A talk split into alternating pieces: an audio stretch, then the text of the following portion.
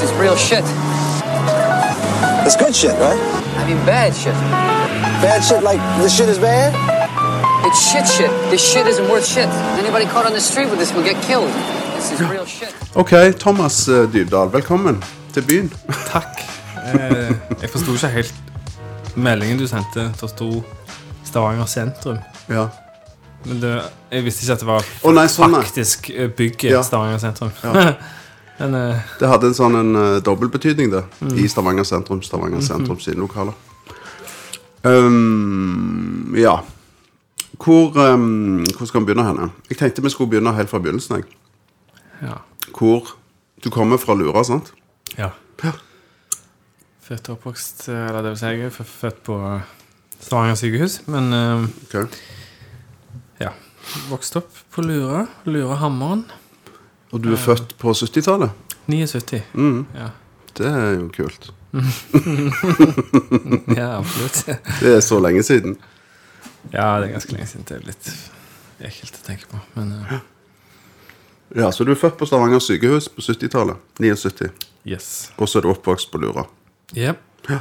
Lura var jo Ettersom jeg har forstått, iallfall på det tidspunktet uh, Iallfall i na- nabolaget vårt, så var det jo ingenting. Å nei. Det var Det var jo der eh, Det var jo såpass landlig, tror jeg, akkurat da at det var omtrent litt sånn hyttested for Stav- Stavanger-folk. Ja, ja. Men det var der eh, mor og far eh, De ville bo der. Ja, eller jeg tror det var mer at de, så, altså, at de hadde råd til å bygge et hus der. Så da gjorde de det. Men øh, ja, hvordan var det å vokse opp der, da?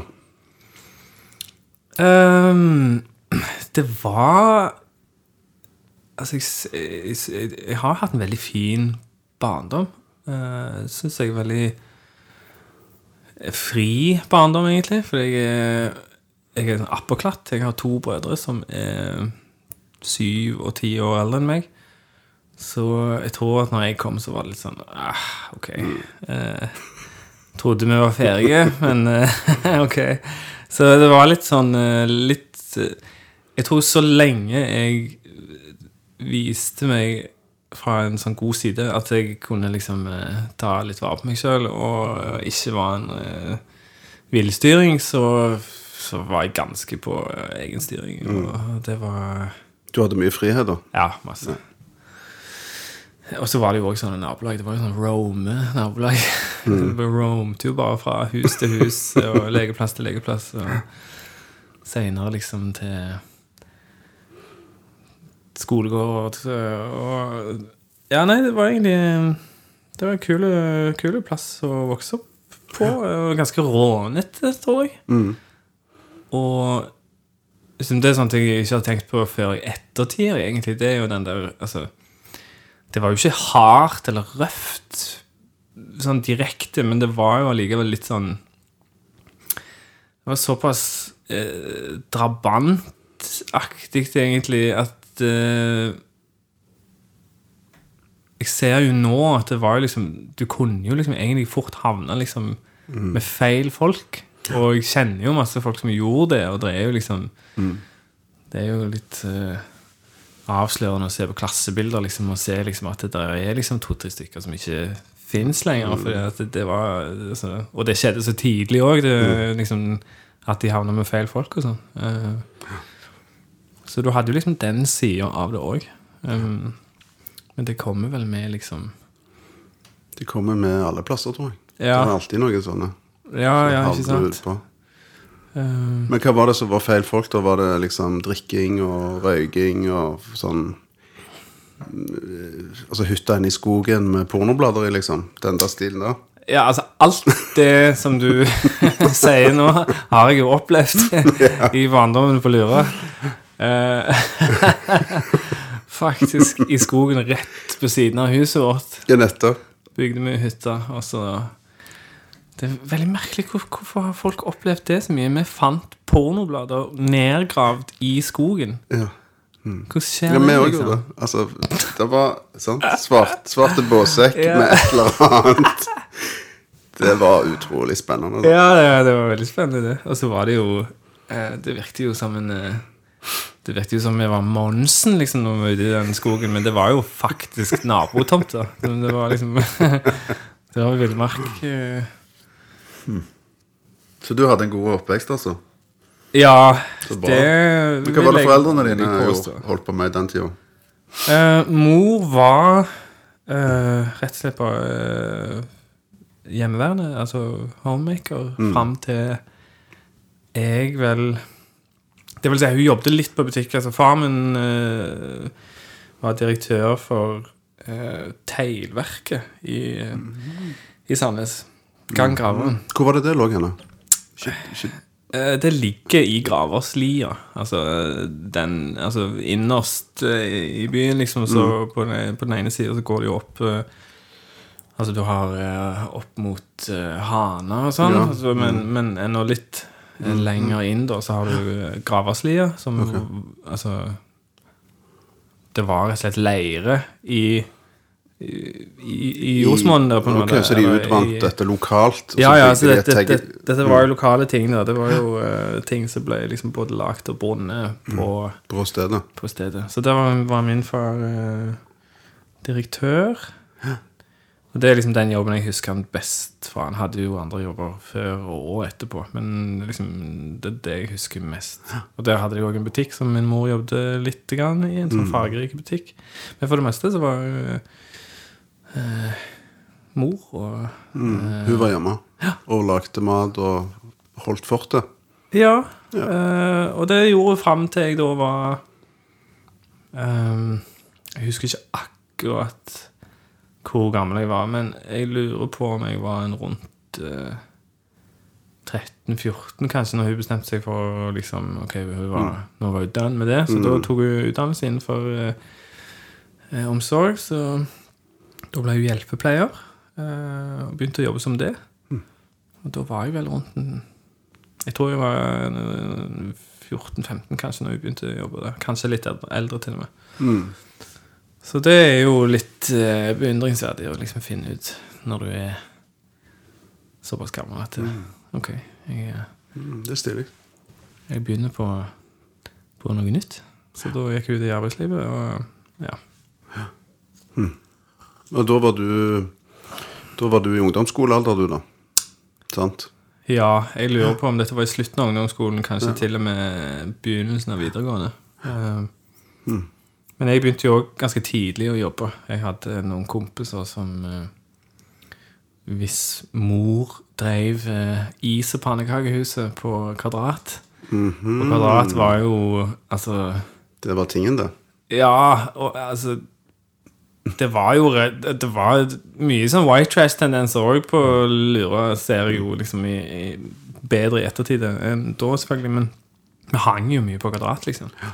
Dro jo på Kvadrat for å liksom finne flasker og pante flasker og stjele strikk på, på den eh, dyrebutikken for å så skyte det ned i maten til de satt på Skala spiseri. Ja, ja, ja. Masse sånn tullegreier. Men, eh, men jeg hadde altså en kompis som eh, Moren hans drev en kafé der. Så der fikk jeg jobb når jeg var eh, 14. Um, da begynte jeg liksom bare sånn oppvask og sånn. Så det, og så jobbet jeg der ganske lenge, faktisk. Jeg jobbet der i fire år. Fram til liksom eh, andre gym, eller noe sånt. Mm. Kanskje tredje, til og med. Og så begynte jeg eh, Jeg flytta jo fra Altså, jeg flytta jo fra, fra Sandnes når jeg var ferdig på videregående. Jeg gikk jo videregående Lundehaugen musikklinja. Men før vi kommer dit, hvor, hvor, var det dette, hvor var det dette egentlig starta? Interessen din for uh, musikk? Um, Altså, Var det noen som spilte hjemme? ja, nei, det ingen spilte Altså, min mor spilte piano, sånn type Hun spilte Memory fra Cats. Og, altså, det var liksom på, på det nivået, da, men det, var- jeg husker det alltid var koselig liksom, når mor spilte piano. Og, men det var alltid musikk i huset, og jeg hadde jo som sagt to eldre brødre som begge to liksom Det var jo der jeg fikk musikken fra. Så de var begge to ganske sånn hardcore Prince-fans. Så jeg fikk jo mye Prince i oppveksten. Noe som det var bra. eh, Ja, veldig bra. uh, så det var, gikk liksom mye i uh, Prins og Michael Jackson, og hos mor og far så gikk det jo selvfølgelig det vanlige. Det var Kim Larsen og ABBA. Og liksom, ja. Så jeg, jeg, jeg elsket musikk fra jeg var liten, liksom. Og jeg, jeg har liksom bilder av når jeg sitter og prøver å spille gitar når jeg var sånn fem år. eller noe sånt. Men jeg begynte vel ikke å spille gitar før jeg var ti eller elleve, kanskje. Og da begynte jeg å spille gitar fordi kompisen min, bestekompisen min, det var en, en fyr som het Nick. Han hadde flytta til, til Stavanger. Eller familien hans hadde flytta til Stavanger, for eh, faren jobbet i olja. Um, og de skulle egentlig bare være i ett år, og så endte de opp med å bli liksom i ti år. da. Uh, så han var bestekompisen min fra jeg var fem. Og han dro jo alltid med seg eh, masse spennende ting liksom fra USA når han hadde vært der i, eh, i somrene og i ferien. og sånn som det. Så jeg fikk jo mye, altså jeg fikk jo mye popkultur. Ja. Eh, ja, mye popkultur og leker og, og sånn derfra. Gjennom han, liksom. Og jeg snakket jo engelsk hele veien, for det var jo meg og han som hang hele veien. Han var jo nabo òg. Og han kom jo da hjem på et eller annet tidspunkt med en elgitar. Da hadde han kjøpt en sånn bigrim eh, blå Kramer elgitar. Eh, og skulle begynne å spille Metallica. Ja. Og så Det som var litt nice, var at han Det viste seg at han hadde, han hadde null talent okay. i det hele tatt for gitar. Så han, han hater den gitaren sikkert Eh, så, så Derfor lånte han den til meg, og så begynte jeg å spille gitar. Og det viste seg at jeg hadde jo et talent som Det gjorde jo ikke ting bedre for han, Uff, så jeg fikk jo den gitaren etter hvert. Ja. men det var liksom sånn jeg begynte med å spille musikk. Det var liksom å spille Metallica-ting. Så det var liksom Da var det Ja, høyest på ønskelista var liksom en Jeg husker den gule Boss uh, Distortion-pedalen. Og så en, en liten sånn forsterker så du kunne ha i beltet. Da var, da var jeg rocking. Hadde det til og med med, med meg på skolen, husker jeg. På barneskolen i Oi. sjette klasse. Oi. Hvordan ble den mottatt, da? Jeg oppdaget jo at det var jo ganske pop, det. Ikke sant? Det var helt eh, eh, Og jeg var, for jeg var jo aldri liksom eh, Jeg var ikke noen sånn pop eh, eh, Liksom sånn, Jeg var ikke noen sånn superpopulær gutt. Og jeg var ikke, noe, jeg var ikke stor, jeg var pinglete. Liten og pinglete. Eh, så jeg måtte jo ha noe, liksom. Så det, det var jo bra for meg å ha gitaren. Mm, da var jeg jo litt kul allikevel. Eh, så det var nice, det. Men du lærte deg å spille eh, av deg sjøl, egentlig? da? Altså sånn i starten? Ja, da spilte, spilte jeg da, Det var òg en ting som han fikk tak i, som jeg ikke helt På den tida i hvert fall fikk ikke tak i.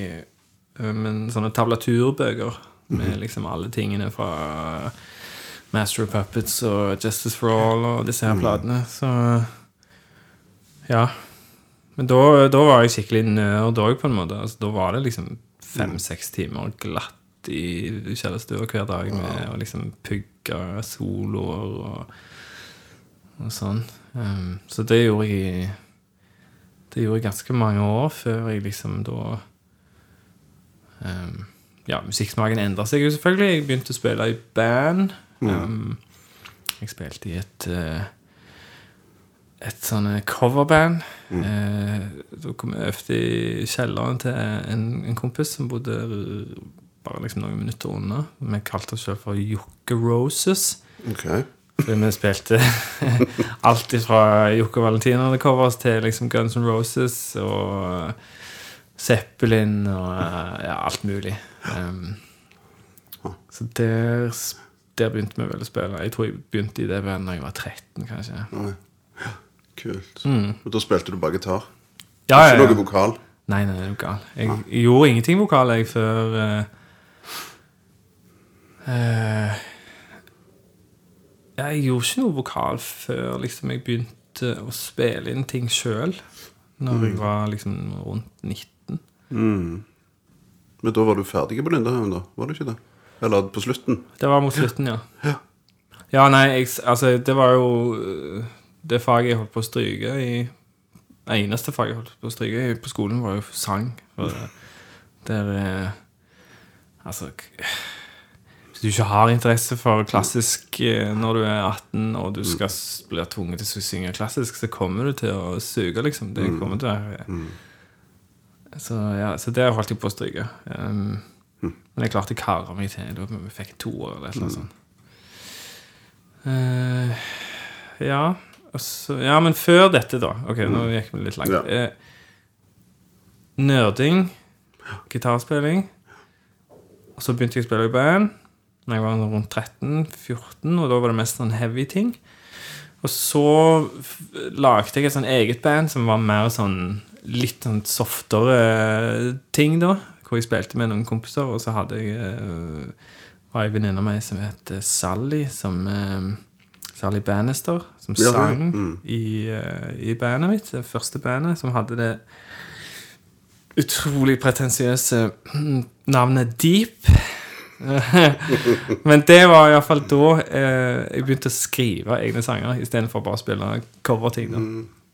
Og da hadde vi jo hørt på masse ting som kanskje var liksom Da var det jo gått litt vekk ifra liksom bare heavy eh, ting til liksom Da snakker vi jo Da var jo liksom eh, eh, Pearl Jam og Live, eh, R.E.M. Alle disse tingene var jo kommet inn i mitt musikalske liv, og det var jo liksom Selv om eksempel sånn som bandet Live da og plata Throwing Copper var jo fremdeles ganske hardt noe av det, men det, det var jo ja, Det var mye mer melodiøst, liksom, sånn. Så, så det var mer sånn musikk jeg prøvde å skrive til det første bandet. Um, så vår første spillejobb var på uh, et senter for uh, psykisk utviklingshemmede på uh, Forus. Så det var det, det, det var et, det var jo litt vanskelig å vite hvordan det gikk hjem hos publikum, da. Men eh, det, det gikk sikkert bra. Men ja, det var liksom den første konserten jeg begynte å spille. Og så eh, Ja, så var det jo Lundehøyen etterpå, med musikklinjer og sånn. det. Da, da var det jo spilling hele tiden. Og da var det jo liksom Da var jo musikk virkelig alt. Ja. Hele livet. Så det var liksom gjaldt jo bare å karre seg gjennom alle de andre fagene. Eh, norsk og eh, tysk og matte var jo ting som Som eh, Ja, det hørtes tungt ut. ja, ja, men det var jo liksom Når du er liksom 17 da og har oppdaget at du har talent for noe, og så går du på en skole hvor du fokuserer på det, og så er det liksom sånn Så er det egentlig bare en sånn ting som er i parentes. Ja, ok, du har, norsk, du har norsk og engelsk og sånn. Ok. Så, eh, men jeg klarte nå å komme meg gjennom uh, det greiene der. Og så var det jo mer og mer musikk, og i andre andre gym så begynte jeg å spille i et band som på den tida het State of Mind. Som var et sånn acid jazz-band her i Stavanger. Um, jeg skulle egentlig bare være, være vikar for uh, den egentlige dresten, en som heter Edvard Bryggfjell.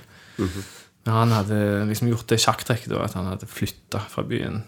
Og så så tenkte de at det skulle gå likevel. Han kunne liksom spille med deg når han var hjemme. Og sånn, men det gikk jo selvfølgelig ikke. Så jeg begynte å spille med de, eh, og vi fikk jo eh,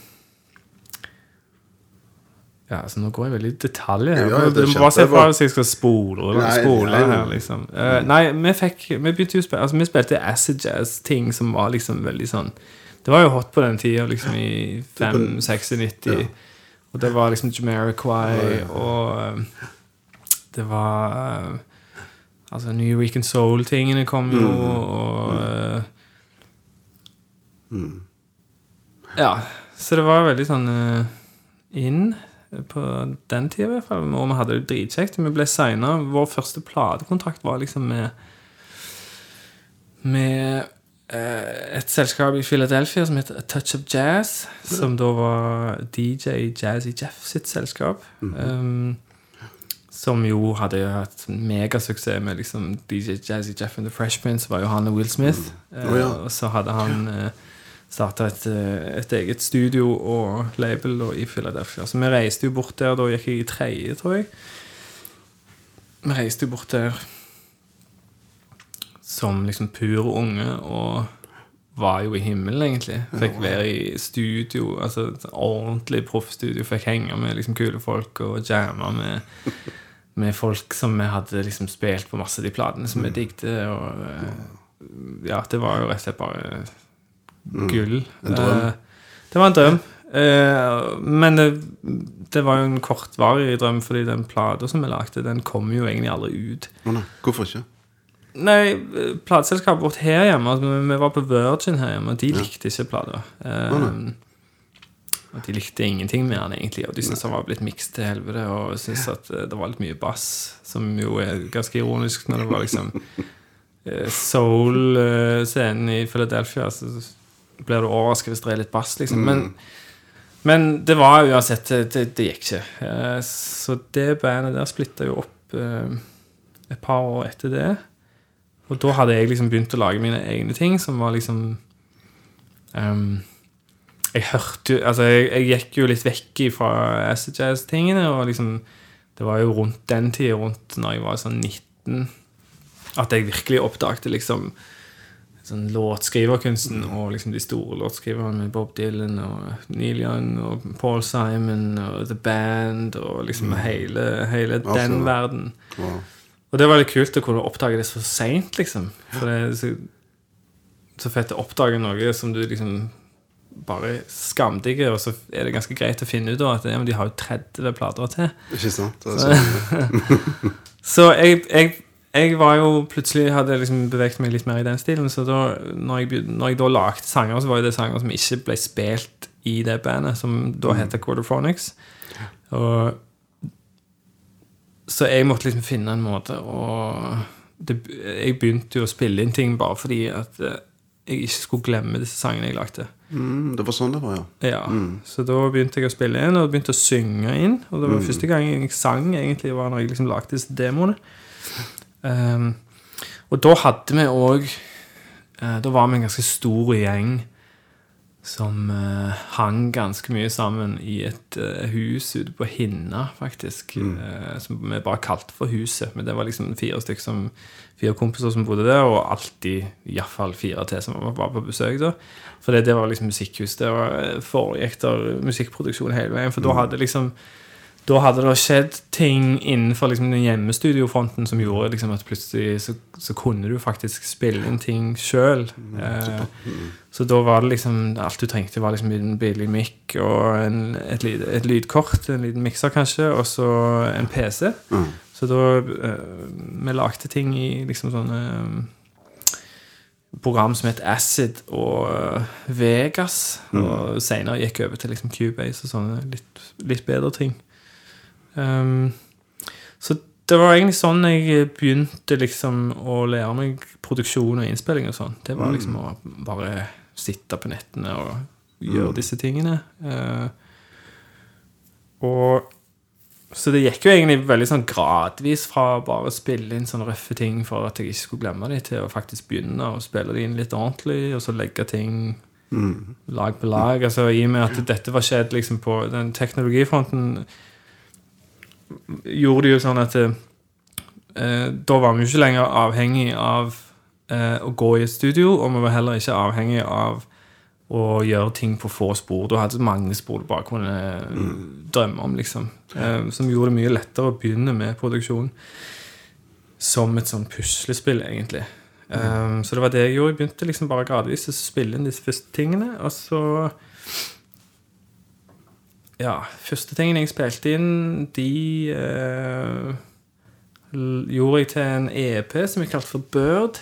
Eh, og så gikk jeg På det tidspunktet så kjente jeg Tom Brekke litt, som da drev eh, Checkpoint.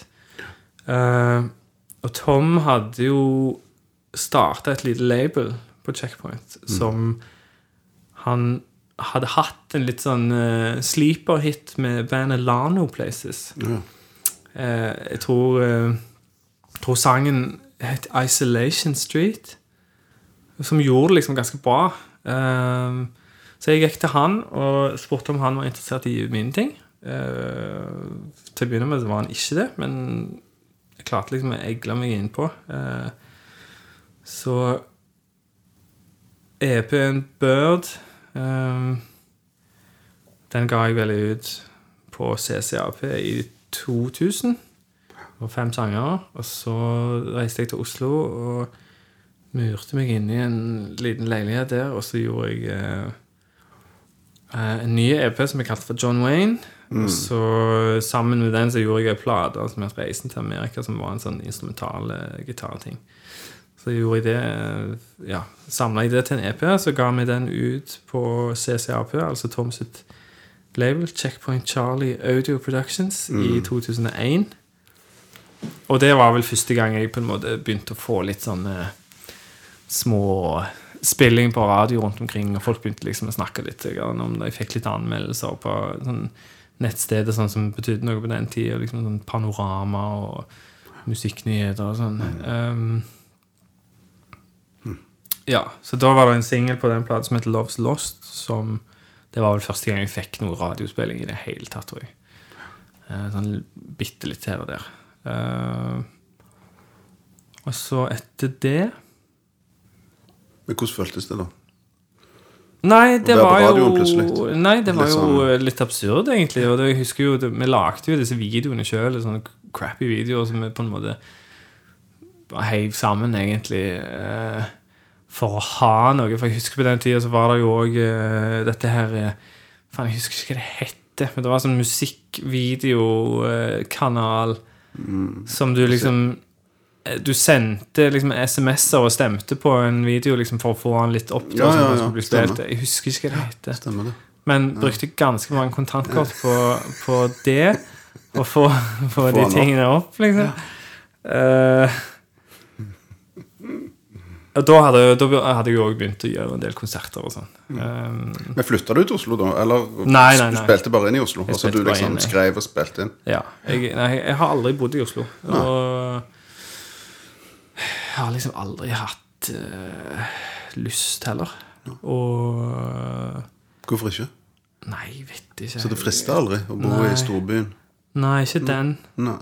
Det er ikke det at jeg liker godt Oslo, jeg, liksom. Og jeg, altså Kom an, la oss eh, innse det. Det er jo en storby, iallfall. Mm. Det er jo liksom De har jo et annet tilbud på konsertfronten og sånn som Som jeg eh, Det er vel det jeg hadde satt mest pris på, hadde jeg bodd der, selvfølgelig. Um, men jeg vet ikke, for meg har Oslo alltid Det har liksom betydd jobb, på en måte. Jeg forbinder Oslo med å spille konserter og gå i radiointervjuer. Uh, drasse rundt på en gitar og spille akustisk. Altså, jeg vet ikke. Jeg har liksom eh, Men det kan jo godt være at en lider, altså en har, har alltid hatt litt av det der mindre, mindreverdighetskomplekset òg. Det, det var jo ikke kult å like Oslo, liksom.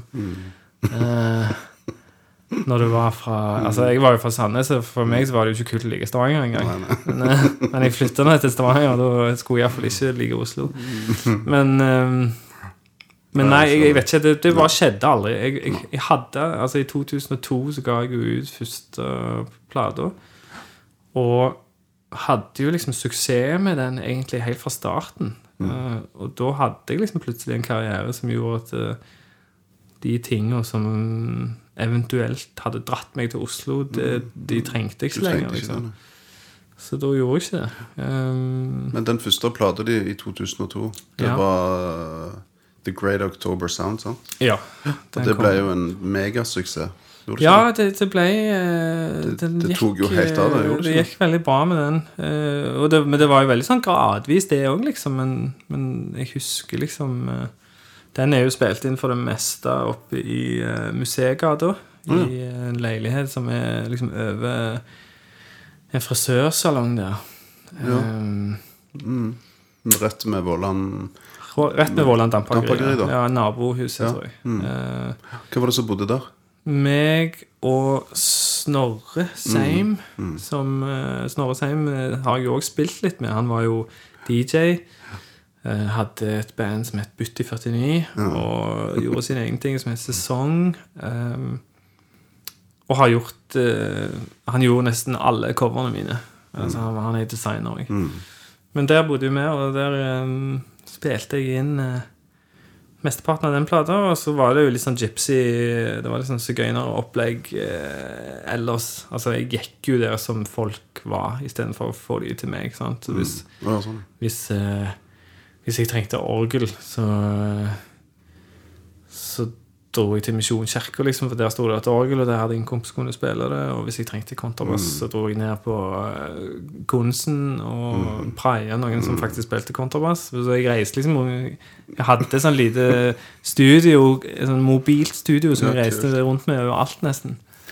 Så jeg har jo ennå den bagen som de bare kalte for Ghostbusters-bagen. Oh, ja. Det ser ut som jeg har sånn protonpakke på ryggen. Så Der hadde jeg plass til liksom eh, Mac-en og lydkortet og noen mikker og sånn. Kult. Men ja, den plata kom i 2002, og, og fra da og til nå så har det jo strengt tatt gått i ett. I ett, Eh, Det har så. så det um, Men det har Og hvor mye en skylder én sang, liksom. Første singelen min fra den plata var en sang som heter From Grace, som jeg ennå husker liksom akkurat hvor jeg satt når jeg fikk nyheten om at liksom P3 hadde A-lista den, og liksom eh, Håkon Mosleth, som da var musikksjef i P3, hadde skrevet en pressemelding med liksom disse nye sangene, og uthevet den, og meg og øh, det som da var min blodferske manager, Kenneth Andersen, vi satt jo bare og skreik av glede, liksom. Hvor var det dere var da? Da bodde jeg i uh, Kongsteinsgata på Storhaug. Satt meg i bakgården der. Ja. Da bodde jeg i Oslo. Ja. Og jeg hørte den på P3 da. Da var jo P3 en big deal. Det var det det var. Eh, Jeg hadde på meg noen høretelefoner og, og noen radiogreier, så jeg hørte P3 på, på ørene. Mm. I overgangen fra altså, fra Akerselva opp til Grünerløkka. ja, ja. Rett med blå. Mm. Akkurat der gikk jeg opp og så bla, bla, bla, bla, bla. Nå til den nye og liksom store stjerner fra Stavanger. Jeg tenkte, ok, bla. Og så kom den låta bare puff. Mm. jeg, Men jeg lurer på om det var Det var på høsten og Ja. dette her, var det ikke det? det sånn, ja altså, det, altså Suksessen med plata skjedde jo ikke liksom pang, den. Nei. Den bygde seg jo bare, liksom. For det, det var jo ikke noe Altså, han Vi hadde jo ingen penger til å liksom reklamere for noe. Eller promo eller ting, så, så de tingene der bare balde på seg, egentlig. Men, men jeg hadde liksom noen sånne nøkkelspillere med på laget da, som, som gjorde at det, det ble mulig, og det var jo P3, og så var det platekompaniet. Som, Ja, ja. Altså du sier hva du vil om platekompaniet, liksom, og det som de har blitt, og så store som de har blitt, og så liksom Så mange sikkert øh, Uavhengige øh, butikker som har gått i dass på grunn av det. Men på den tida så var de jo Altså, de var jo genuint bra, liksom. Og det var drevet av bra folk, og de pusha jo musikk som var liksom noe helt annet enn bare sånn listepop-ting. Eh, så jeg, jeg fikk De var jo liksom de Det var de som gjorde at den plata breaka sammen med P3, egentlig. Eh, for de, de pusha den plata noe sinnssykt. Og vi hadde jo ingen, absolutt ingen altså, Vi kunne ikke betale det noe. Vi hadde ingenting sånn, sånn budsjett, men de, de sa liksom denne plata skal vi gjøre til, til ei stor plate. Og så pushet de som faen. Og det var jo liksom helt andre tider òg, i og med at liksom det fysiske formatet var liksom det som gjaldt. Ja. Så jeg husker jo liksom ennå det å gå liksom innom eh, platekompaniet her i byen på Arnageren, liksom. Og bare spør ja, hvor mange har du solgt nå, liksom. Og så slo de opp på liksom, PC-en, og ja, de hadde solgt liksom 2000 plater bare i den butikken av den plata, liksom. Så da var jeg helt sånn Yes. ja, deilig. kick ass. Og så kom, så kom det jo eh, som perler på en snor. Sant? Mm, Stray Dogs i 20, eh, 2003. Ja. Så One Day You'll Dance For Me, New York City, i 2004. Fire. Men så gikk det noen år. Så gikk det to år før det kom en nye. Ja, men i den perioden så hadde jeg òg et annet band altså, som jeg var med i, som heter National Bank. Ja. Som òg var litt sånn eh, Kom litt sånn uventa på, egentlig. For det, det var jo noe som var Det bandet ble jo lagd for å være et bestillingsverk til en jazzfestival. Aha, det var sånn det var. Eh, det, dette var Horntvedt-brødrene Lars og Martin fra Jage sist, som fikk liksom i oppgave å skrive et bestillingsverk. Og så var de sånn Ok, men mm, kan vi please ikke skrive sånn bestillingsverk som er sånn typisk Sånn som det var på den tida, sånn type hot and cold, mm. en same med en fra Uganda Altså, det var veldig sånn eh, de, de, hadde, de spurte rett og slett Kan vi få liksom gjøre et Kan vi gjøre ei popplate som bestillingsverket? Og så, eh, så fikk de ja på det, da, og da henta de liksom bare inn de som de hadde lyst til å ha med, og da spurte de meg, og jeg hadde jo skamløst, fordi at jeg skulle jo bare være med som vokalist. Jeg skulle bare være sanger, liksom. Ok. Og det hadde jeg jo ikke vært før. Eh, Så det hadde jeg jo sykt lyst til. Så da gjorde vi det første Eller det skulle ikke være ei plate, det skulle være et bestillingsverk. Men så tenkte vi fuck it. Jeg har brukt så lang tid på dette her. La oss gjøre ei plate ut av det. Så gjorde vi ei plate i uh, Duper Studio i Bergen sammen med Jørgen Treen. Eh, og så had, fikk vi jo liksom monsterhit med den uh, sangen som er 'Tolerate' fra, fra den plata. Um, så det var jo òg veldig sånn uventa. Så det var derfor det gikk litt tid. Var det for rett og slett det var så mye å gjøre. Det var så mye. å gjøre, men dette var i 2004. Dette var i 2004. Og dere vant Spellemannsprisen òg, Ja, ja. sant? I 2004. så eh, det var, så, det var så mye å gjøre. Og jeg hadde uansett tenkt at liksom Jeg sa jo jeg skulle lage en trilogi med de tre første platene der. Ja. Og de skulle, alle skulle komme liksom på samme dato et år etter hverandre. Sånn, og det var ganske tall order liksom å gjøre. Så det var ganske mye Jeg var ganske pumpet liksom på, på slutten der. så men da gikk det noen år før eh, neste plate, som da var Science i 2006. Mm. Men var det Science som uh, Philip Stark uh, var involvert i?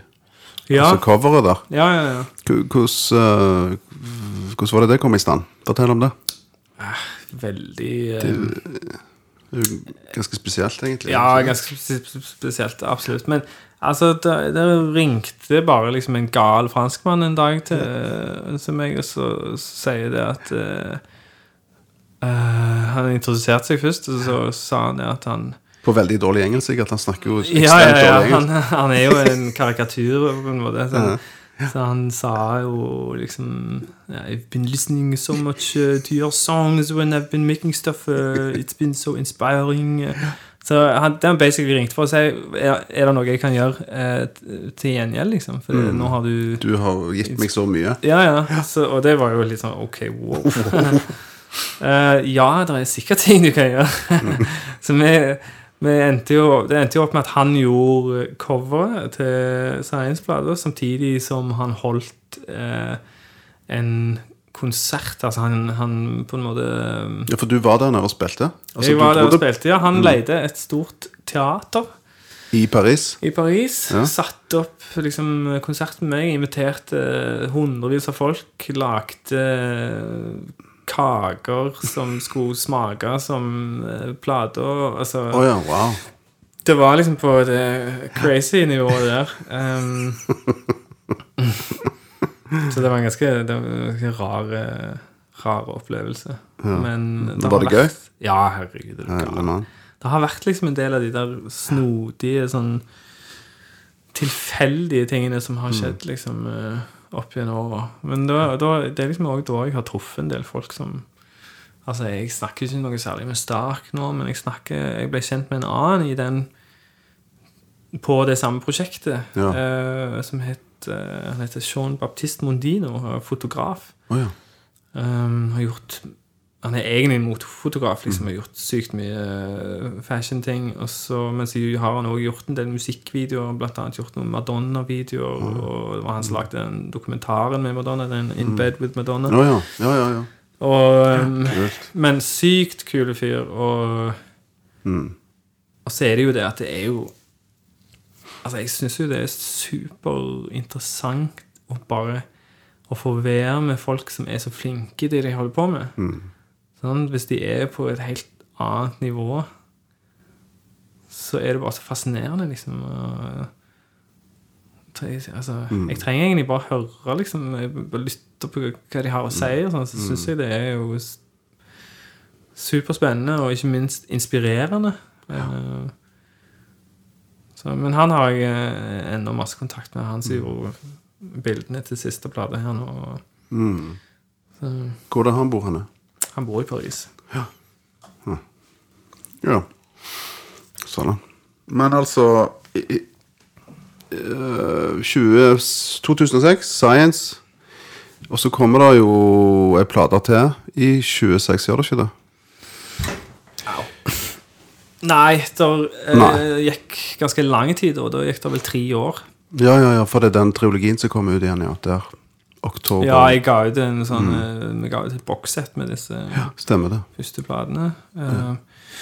Men da hadde jeg jo begynt så smått å liksom lefle med litt uh, filmmusikk og sånn. Um, Og Altså, jeg hadde jo uh, Arild Østin Ommundsen var jo en av de første som fikk den første plata mi. Altså fikk liksom en sånn råutgave av den, da.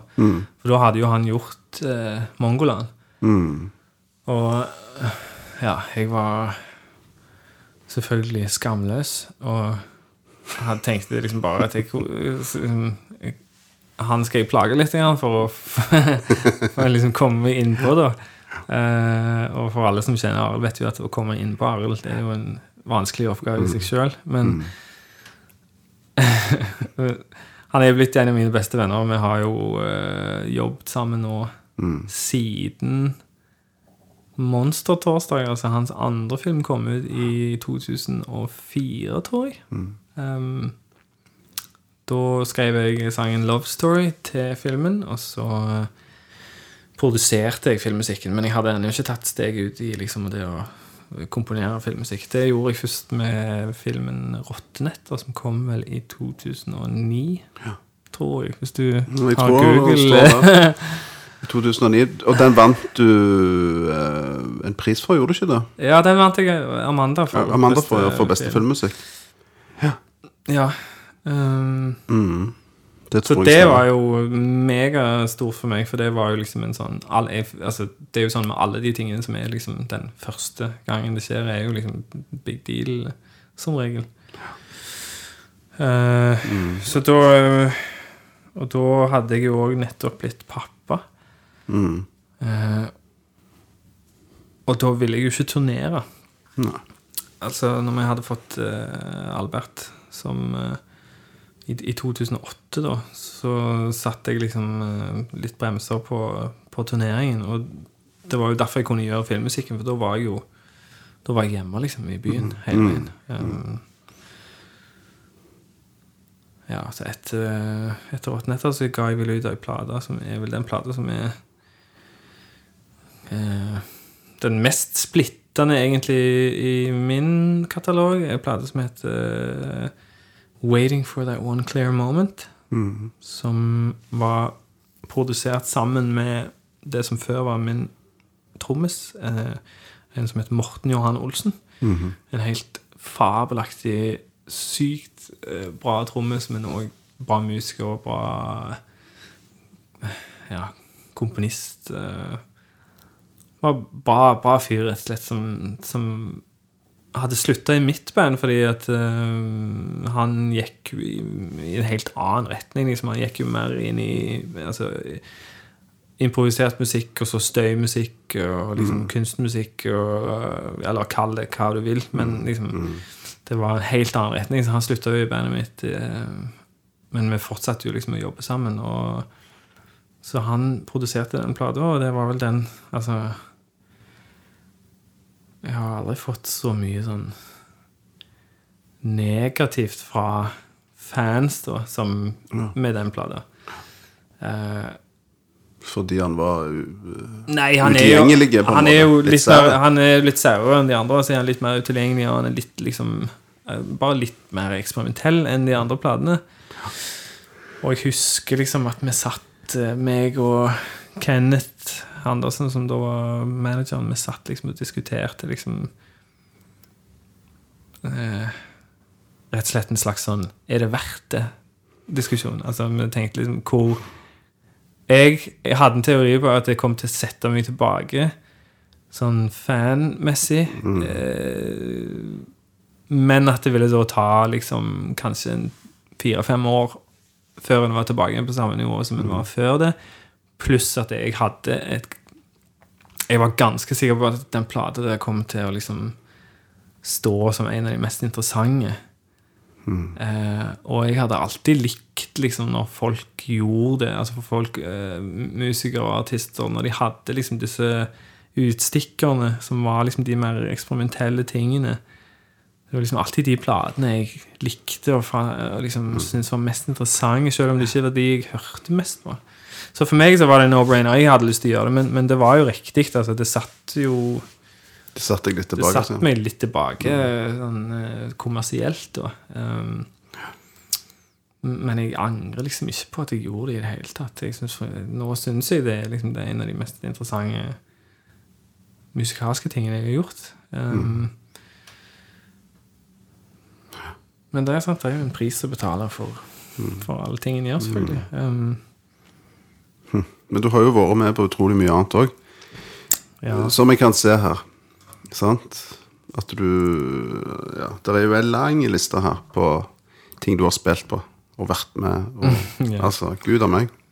Jo, men det er litt sånn det, Jeg føler alltid det er litt sånn du, du føler liksom at, at tida går så fort, men når du ser tilbake på ett år, når du kommer liksom til nærmer deg nyttår der og ser tilbake på det året Faen, så mye en får tid til. Hvis, en, hei, liksom, du vil. Hvis, du vil. Hvis du er Og jeg er jo relativt arbeidsnarkoman, på en måte. Altså, jeg, eh, jeg hiver meg ikke uti ting uten å gjøre det, liksom Eller gå helt sinnssykt inn i det, da. Um, men jeg har òg vært sykt heldig og fått være med på masse sånn gøy ting som gjerne ikke har vært i regi av meg, da, men andre ting. Og øh, nå er jeg jo også så heldig at nå har jeg fått lagd så mye filmmusikk. liksom. Nå har jeg jo fått gjort musikk til fem kinofilmer. Som er liksom blitt en, en egen del av min tilværelse, tilværelse, som jeg setter like stor pris på, egentlig, som, som alt det andre. Det, Hvilke filmer var det? Det er jo altså Now jeg har Dark. gjort uh, Arild sine filmer, rett og slett. Jeg gjorde, begynte jo med 'Rottenetter', og så gjorde jeg uh, barnefilm etter det. Jeg gjorde 'Knerten'. eh, Og så eh, gjorde jeg musikken til 'Eventyrland'. Mm. Og så nå til 'Now It's Dark'. Og så har jeg gjort uh, musikk til eh, litt andre film. Altså jeg gjorde musikk til en svensk film for et par år siden som het 'Skumringstimen'. Mm. En eh, filmatisering av denne eh, Johan Theorin-boka. Eh, som ja, som var en helt annen type opplevelse. En mye mer sånn storfilmaktig opplevelse. Som var litt sånn Det var både òg, eh, syns jeg. ja. var. Ok. Ja, så har jeg Ja, nei. eh, Jeg har fått være med på Men Hvordan jobber du når du lager filmmusikk? Altså, er det sånn Du leser manus, ser du filmen, ser du den mange ganger? Står han og går i studio, eller liksom skaper det bilder i hodet ditt? Eller, altså, hvordan er det du jobber? Uh, meg og Arild jobber jo veldig tett, og veldig sikkert litt sånn ukonvensjonelt, siden vi òg er så gode kompiser og bor så nærme. Og så dere faktisk òg deler liksom kontor. Sant? Uh, eh, vi kan jo bokstavelig talt nå snakke til hverandre gjennom veggen. Ja. Og det, det gjør bare at ting er litt smoothere og litt Det er litt, litt mindre sånn la, Eller det- det er litt mer lavterskel å liksom ta opp ting. Det trenger ikke bli et stort problem, liksom. Det er bare liksom Ok, dette Men, men altså, sånn vi jobber, er jo som regel at uh, først Altså, jeg er involvert såpass tidlig at uh, han har ikke et manus på det tidspunktet. Han har bare en tanke om hva han Hva han har lyst til å hva gjøre? han har lyst til å gjøre. Uh, og så har vi jo egentlig tilnærmet oss en, en måte å jobbe på som liksom Som vi gikk liksom all in på. På den siste, siste filmen hans, den eh, som heter Now It's Dark. uh, hvor vi begynte liksom å snakke om filmen og om musikk. Og så liksom tok vi oss noen kvelder i studio med litt vin og satt på liksom plater og liksom hørte på musikk som vi tenkte at i det landskapet der så har vi lyst til å liksom være da. Um, og så lagde jo jeg et score um, med stryk og synt som vi trykte opp på vinyl eh, før de hadde lagd filmen. Sånn at uh, det var nesten sånn Så her er musikken, gå og lag filmen. så, så det var jo liksom helt ekstremt eh, ja, en litt, litt annen måte å, å Litt jobbe annen måte på. å gjøre det på, ja. Eh, men vi hadde alltid snakket om det. Hvor kult hadde ikke det vært å liksom bare gjort det først? Da? Eh, men så skal det jo selvfølgelig Det skal jo bli film, det skal ikke bli musikk. Eh, og musikken skal ikke stå for seg sjøl, den skal ikke gjøre alle de tingene. Så det som kommer aller sist, er jo selvfølgelig å tilpasse alt til bildene, da. Og, og sørge for at ja, musikken skal jo ikke diktere noen ting, egentlig. Eh, Det er jo historien som gjør det. Eh, Så det Abra med å gjøre det sånn som vi gjør det av og til, er jo at du lager musikken to ganger. Sånn. Du lager den først, og så går du i en sånn kreativ prosess, hvor liksom kanskje musikken er med og, og eh, fører an litt, liksom, litt stilen på, på tingene, og hvordan det liksom skytes og sånn. Og så til slutt så er det jo liksom Selvfølgelig. Det skal bli en film. Det skal ikke være musikk med bilder. Så, så da gjør han det jo på ny, egentlig. Bare tilpasser det som faktisk har blitt filmen, da. Så det er jo ganske mye Det er mye jobb med filmmusikk. Uh, Men det er jo utrolig gøy, da. Så jeg så jo gjennom liksom de første demoene mine for den siste filmen vår, og det er jo fra 2014. Og den filmen kom ut i 2018, liksom. Så det er, det er en lang er Et langt løp. Mm. Wow. Men um, han her uh, Larry Klein Mm. Er det ikke det han heter? Var ikke han produsent på et av albumene dine? Det siste? Ja, han The Great Plains? Nei? Nei, The, The Great Plains var Å ja, det var jo Kåre Vest, Vesterheim, Vesterheim, det. Men Larry Klein produserte den plata før det, som het Mm. What's Left Is Forever. Ja. Og så har han produsert den, den nyeste, den som kommer nå om Den som kommer, ja. ei uke. Han kommer om ei uke. Ja, rett og slett. Yes. For det ligger en singel eller to ute, sant? Mm. Det ligger to. Eller der, Nei, jeg tror det ligger tre, faktisk. der ligger tre. Jeg fant bare én på Spotify, men jeg så på nettsida di, så ligger der oh, ja. en annen. Så Ja, ok, det skal være tre iallfall. ja, jeg tror de, de ligger nok alle på Spotify, altså. Men uh, den er det han som har produsert, ja. Mm -hmm. Første gang vi jobbet sammen, var i 2013. Men flytta ikke du til California litt sånn Ikke flytta, men at du, du reiste over? Ja, vi var der Altså- mye. Vi, for vi, rei, vi reiste jo over når jeg begynte liksom preproduksjonen på den plata som Larry Klein endte opp med å produsere. Altså Jeg reiste bort for å finne folk å skrive med, og for å skrive med Larry, og for å snakke om hvordan vi hadde lyst til å gjøre den plata, og for å egentlig bare liksom oppleve noe annet. Da. Så da, tog, da reiste vi jo alle sammen, og da var jo eh, Da var jo eh, sønnen min ikke begynt på skole, så da var jo ting veldig Mye enklere. en, mer fleksibelt. Så vi dro jo rett og slett så mye vi kunne. Vi fant et lite hus som vi leide av en forfatter der borte. Å, eh, I Venice, Å ja.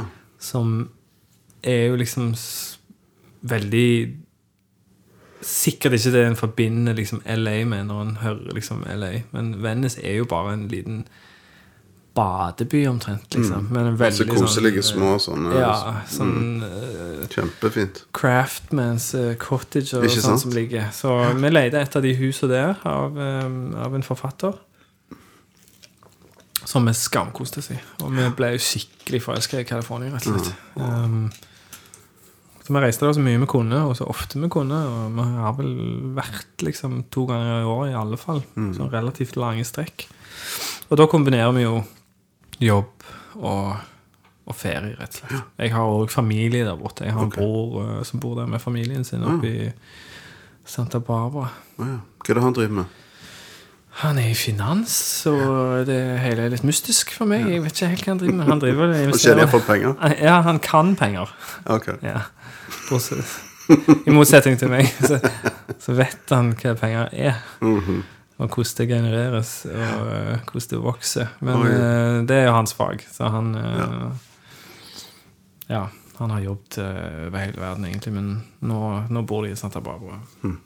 Det syns vi var ganske greit, for vi trenger jo ikke Trenger ikke Ja, jeg trenger ikke så mye liksom eh, pushing for å liksom dra bort og besøke. Klart det. Kult. Men hvor var det du traff han her eh, Larry Klein henne? Hvordan var det det kom i stand? Det kom i stand litt sånn Litt sånn tilfeldig, det òg. det viste seg da at han fotografen som jeg jobbet med når jeg jobbet med Philip Stark, han er Sean Baptiste Mondino, han kjenner Larry. Og hadde sendt han en sang for mange år siden. Han hadde sendt han uh, sangen uh, A Love Story for lenge siden.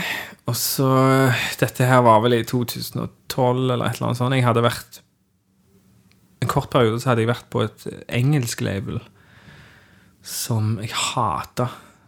Eh, og vi, vi, vi endte, endte virkelig ille, liksom. Med, altså, det endte med liksom saksøking og, og liksom full sånn uh, Jeg hadde ikke lyst til å jobbe med det i det hele tatt. Jeg syntes jeg jobbet helt feil, og jeg syntes liksom alt var, alt var drit med det. Så jeg ble liksom skikkelig deprimert og endte opp med å bruke ganske mye penger på å komme meg ut av den dealen. Mm, det var en dårlig deal. Ja, det, ikke, det var liksom ikke bare det at det var en dårlig deal, men det var liksom De hadde en måte å jobbe på som jeg, for meg var altfor sånn røffe. da eh, Så de brant noen broer som jeg hadde brukt ganske mange år på. På eh, sånn forhold som, som jeg hadde brukt ganske mange år på å pleie å bygge opp. da eh, Som de gikk inn ganske hardt på. Men, men det, ja, det liksom endte med full skjæring og, og sånn, og så brukte jeg de pengene jeg hadde egentlig på å komme meg ut av den dealen. Um, og da husker jeg um, det, det var Altså, dette er ikke kødd, men den samme dagen som jeg skrev under på den avtalen og ble liksom så og så mange hundre tusen fattigere Men fri. men fri. Ja, den samme dagen så ringte telefonen et amerikansk nummer som jeg eh, ikke kjente noe til, og så var det Hi there! så var det liksom uh, Larry. som ringte og sa at uh, han først introdu- introduserte seg, og så sa han uh, at han hadde fått frie tøyler til å lage et label under Universal, som han skulle kalle for Strange Cargo. Og han hadde liksom Han hadde liksom gått i tenkeboksen på hva, hva er det første han har lyst til å jobbe med der. da Og da hadde han landa på at han ville jobbe med meg. Wow. Som var sånn Ok, Det kunne jo faktisk ikke skjedd dagen før, men den dagen så kunne det skje. Så det var jo sykt eh, flaks. Og Så det, da gikk det ei eh, Da gikk det ei uke, og så kom han til Drammen, faktisk, for å se en konsert som vi spilte på Drammen Teater. Eh, og så hang vi, og vi spilte en bra konsert, og så var vi i business, egentlig. Ja, ja. Og han var fornøyd? da? Han syntes det var bra? Ja, han var superfornøyd. Wow. Eh, så det var kult. Men det, det sier jo òg litt om han at han ikke liksom Han er grei, liksom hands on, og han er veldig involvert i tingene. Sant? Du har jo produsenter på liksom alle deler av eh, Spekteret. Spekteret, rett og slett. Eh, så du har jo liksom produsenter som ser seg sjøl som en mer sånn uh, usynlig hånd, egentlig, som styrer liksom prosessen. Og så har du de som er inne liksom fra liksom dag én på skriving og sånn. Og han er, han er liksom på, på den enden, da. Så han, var, han er veldig involvert i ting. Så det var derfor vi dro over og begynte å jobbe i LA. For, det var for å begynne å jobbe med, med han. Og liksom eh, begynne å skrive og så sette sammen plater liksom, og begynne å tenke hvor en skal gjøre det. Sånn. Men, uh, men det er jo old school-plater uh, og måter å jobbe på. Det når en jobber med en sånn produsent som, som har jobbet på det nivået, da, og eh, jobbet når det var en helt annen tid òg, i musikkbransjen. I gamle dager. Ja, så det er jo Det er jo jævlig dyre plater å lage. Så det er liksom Nå er jeg litt der at jeg tror neste plate jeg lager, den skal jeg lage i mitt eget studio, eller i mitt eget hus. Og jeg skal gjøre det for null penger. Jeg skal gjøre det totalt annerledes. Bare. Ikke fordi jeg ikke vil gjøre det sånn som jeg har gjort til sist plan, men det er så dyrt. Og det er liksom Bransjen har jo òg forandra seg så mye at jeg, jeg vet ikke hva Jeg, føler, jeg føler det er for dyrt til å nesten uh, rettferdiggjøre, Du liksom. kan forsvare det. Ja. Ja. Men da tenker du på selve, selve produksjonen, sant? Altså Ja, ja, analogt og i musikere og inn Ja, jeg, hadde, altså, jeg, har, altså, jeg har jo hatt med meg eh, en gruppe musikere på den siste plata her som er helt vill, liksom. Og det, det koster jo med bra folk. Det skal jo være sånn òg, selvfølgelig. Du skal jo gjøre deg fortjent til å jobbe med dem, basically. Um, så um, Ja, nei. Nå, nå har jeg jo lagd meg et studio her i Stavanger som jeg er sykt happy med. For første gang på lenge så har jeg et sted som jeg elsker å gå til. Og som jeg eh, jeg var, jeg var jo lenge på tau før. mm, Du var så Um, og det studioet digget jeg. Der lagde jeg jo to plater og to filmer. Altså, jeg gjorde mye i det studiet. Men så ble jo det revet. Den delen av tauet ble jo revet. Um, Det var et eh, flygel, da. Veldig fin flygel. Ja, Så det, du hadde. det var det. Ja, det er ikke det lenger. Nei. Nei, det var en merkelig greie, for mm. det, det, var, det var jo uh, begrensa med info vi fikk òg om det rivingsprosessen. Så på et eller annet tidspunkt så hadde de liksom tatt vekk alle dørene i bygget. Og da husker jeg jeg kom inn til studio og hadde ikke fått flytta alt ennå. Liksom, og blant annet flygelet sto igjen. Så da husker jeg jeg kom inn i studio, og da hadde jo da hadde det vært noen inne og prøvd å demontere flygelet. Oh, ja. Så tok jeg deler fra flygelet, liksom. Og jeg har sett liksom deler av det flygelet litt annen merkelige steder, som tau eller noe fra det flygelet. Eh, Men jeg klarte å redde noen deler av det, da, for det var jo et flygel som faktisk hadde blitt spilt på av Grieg, liksom. Det, Ja, det var var det jo eh, Det var et ordentlig uh, playel-flygel. Um, men ja, nok om det. det var, Nå er jeg iallfall eh,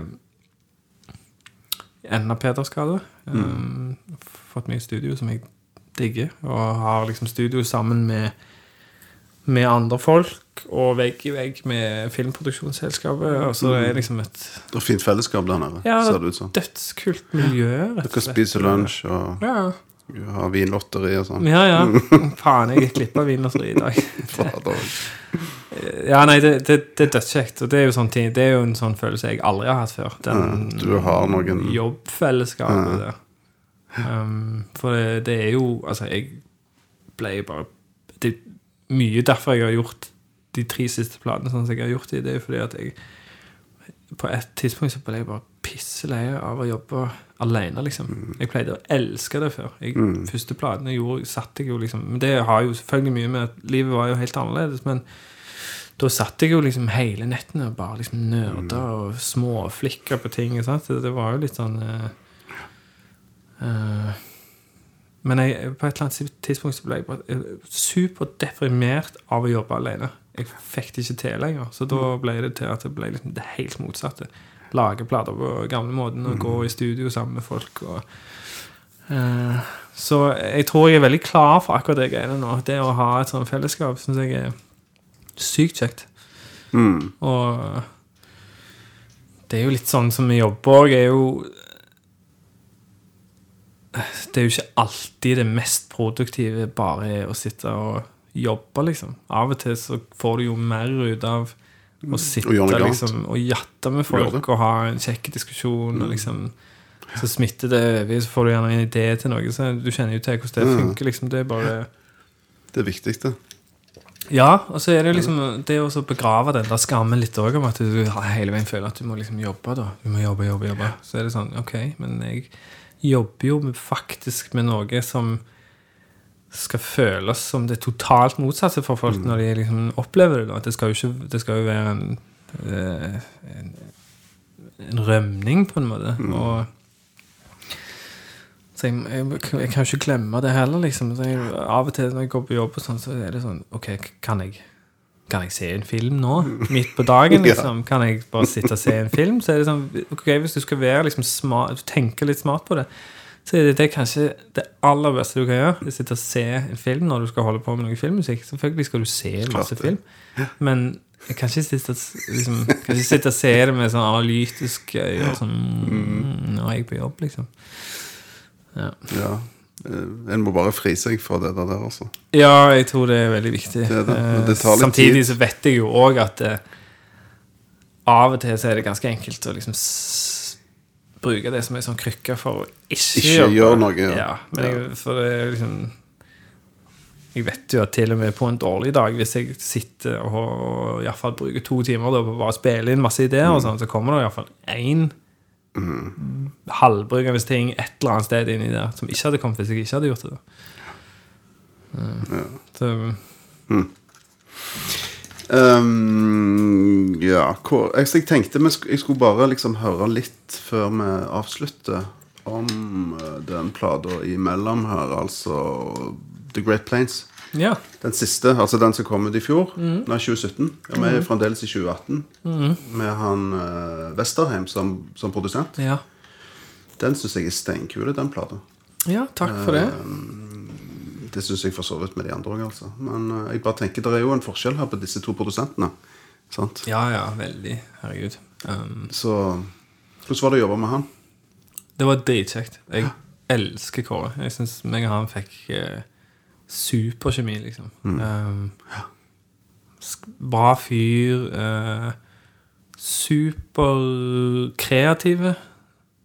Og liksom klar for å liksom bruke masse tid på å bare leke og utforske og sånn. Um, som jeg syns var veldig kult, for at liksom det krever sitt.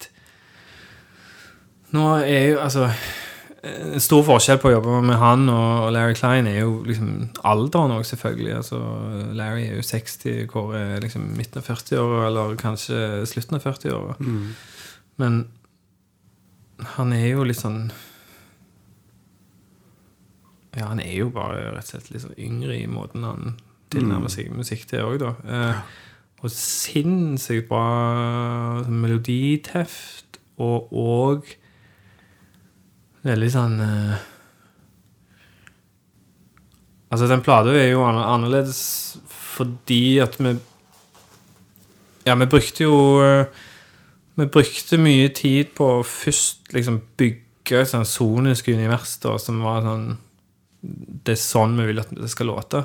Og så, heller, og så når du har liksom den Grunnmuren, eller en ja, eller oppskriften på en måte på plass, så kjørte vi jo alle sangene gjennom den, da. Sånn Ja, ja, at sånn. vi fikk liksom Så det var utrolig sånn kreative og, og dritkjekke plater å, lage. Og det, mye av det var jo bare meg og Kåre som satt liksom og eh, Rett og slett bare lekte oss fram til, eller eksperimenterte oss fram til liksom hvordan ting skulle låte. da men en, en annen ting som han er veldig flink på, syns jeg, det er at han har uh,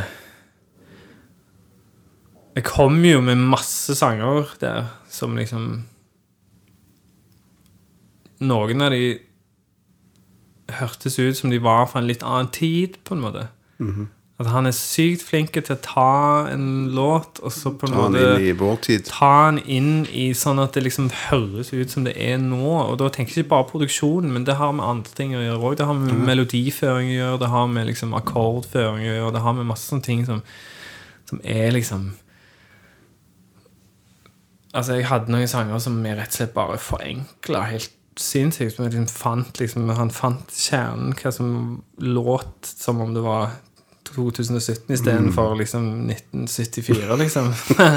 så var liksom, det er noen sånne vendinger som en gjerne tar i en sang fordi at en føler at sangen må gå den veien. Ja, ja. Men han må jo ikke det. En sang må jo ingenting. Eh, Den kan jo gå akkurat der du vil. Altså. Så. Han Jeg syns han er veldig flink til det. og Liksom bare eh, rett og slett uh, uh, Ja, hva skal du si? Altså, han litt sånn skulptøraktig. At han liksom klarer å liksom forme det til noe som føles som om det er relevant, iallfall. Mm. Noe som hører hjemme i, i tida, da. ja, Kult. Men for all del, altså. Bra fyr. Og det, det hadde jeg òg med sykt bra musikere. Jeg jobbet jo med liksom eh, Pål Hausken, som er Rennesøy-gutt. Eh, skambra Thomas. Um, Og Nikolai eh, Eilertsen, eh, min favorittbassist, eh, som jeg òg spilte med i National Bank. Um, ja, men bra, bra folk. Og skrev med litt forskjellige folk, men blant annet med ei som heter Nina Nilsen, som er halvt Altså halvt norsk, halvt kanadisk. Er vel oppvokst for det meste ute på Gandal, eller Julabygda. Ja, ja. Men hun skriver altså noen helt fantastiske tekster. Og synger. Ja, det gjør hun òg. Hun synger jo dritbra. Men eh, hun sang ikke så mye på Ja, hun synger, hun synger litt på den plata. Det gjør hun. Mm. Men som tekstforfatter syns jeg hun er helt uh, Ja. enormt bra. Så meg og hun skrev jo uh, Eller det vil si, hun skrev jo teksten på det som ble min favorittsang på den plata. En sang som heter 'Moving Pictures'. Mm, ja, den er fin. ja. Som eh, Mm. Der kommer jeg til kort, liksom, som, som tekstforfatter. Når det er liksom Det som hun fikk til der, var jo liksom å skrive stort om noe veldig lite. Måte. Altså, jeg, elsker tekstforfattere som klarer liksom å gjøre liksom det lille episk. Mm. Sant? Det er- Nei, dritbra. Kult. Ja, vi gleder oss til den nye plata di som kommer neste uke. Ja, jeg gleder meg, jeg òg.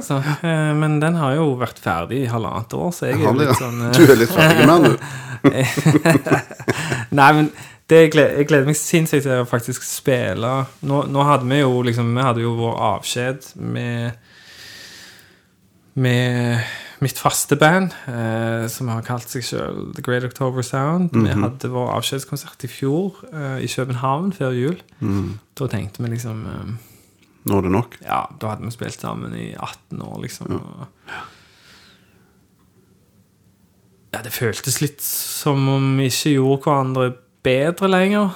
At vi ikke liksom hadde gnisten til å pushe det så mye som en burde, da. Så da Det var vel jeg som lanserte forslaget om at dette her skulle være en slags avskjedskonsert. Møtte jo litt motstand til å begynne med, men egentlig så tror jeg når, når den dagen kom, når vi, når vi spilte liksom avslutningskonserten, så føltes det helt riktig. At det liksom på tide med noe nytt, liksom. Eh, så denne gangen spiller jeg jo med et helt nytt band, og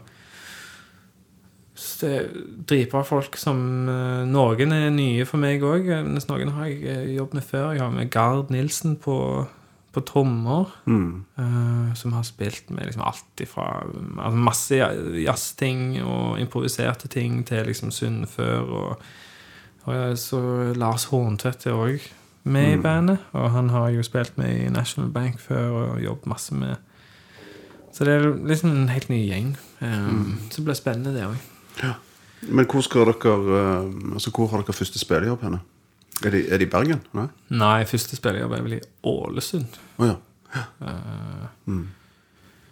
Og så er vi jo spiller jo her i Stavanger 9. november. Da er det Zetlitz. Så eh, Første gang jeg spilte Zetlitz, var vel i fjor, uh, med den forrige plata. Det var overraskende kult. Jeg syns det var så jævlig kjekke saler å spille i.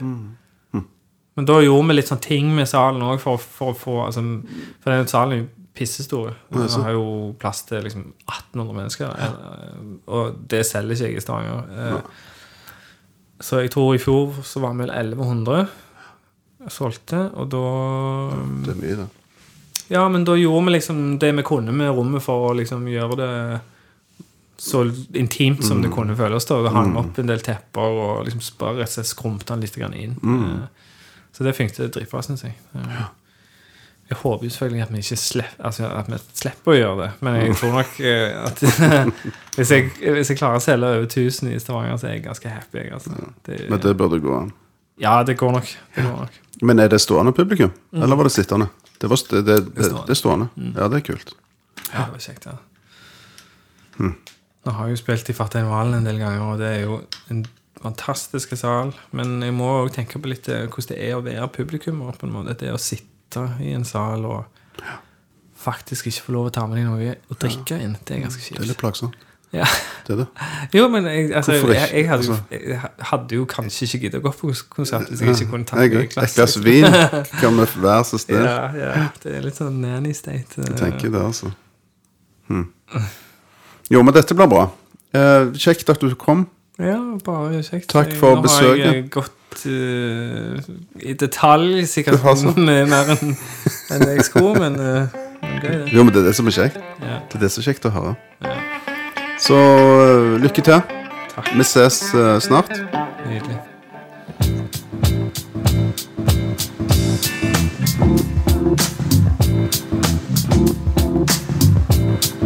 Thank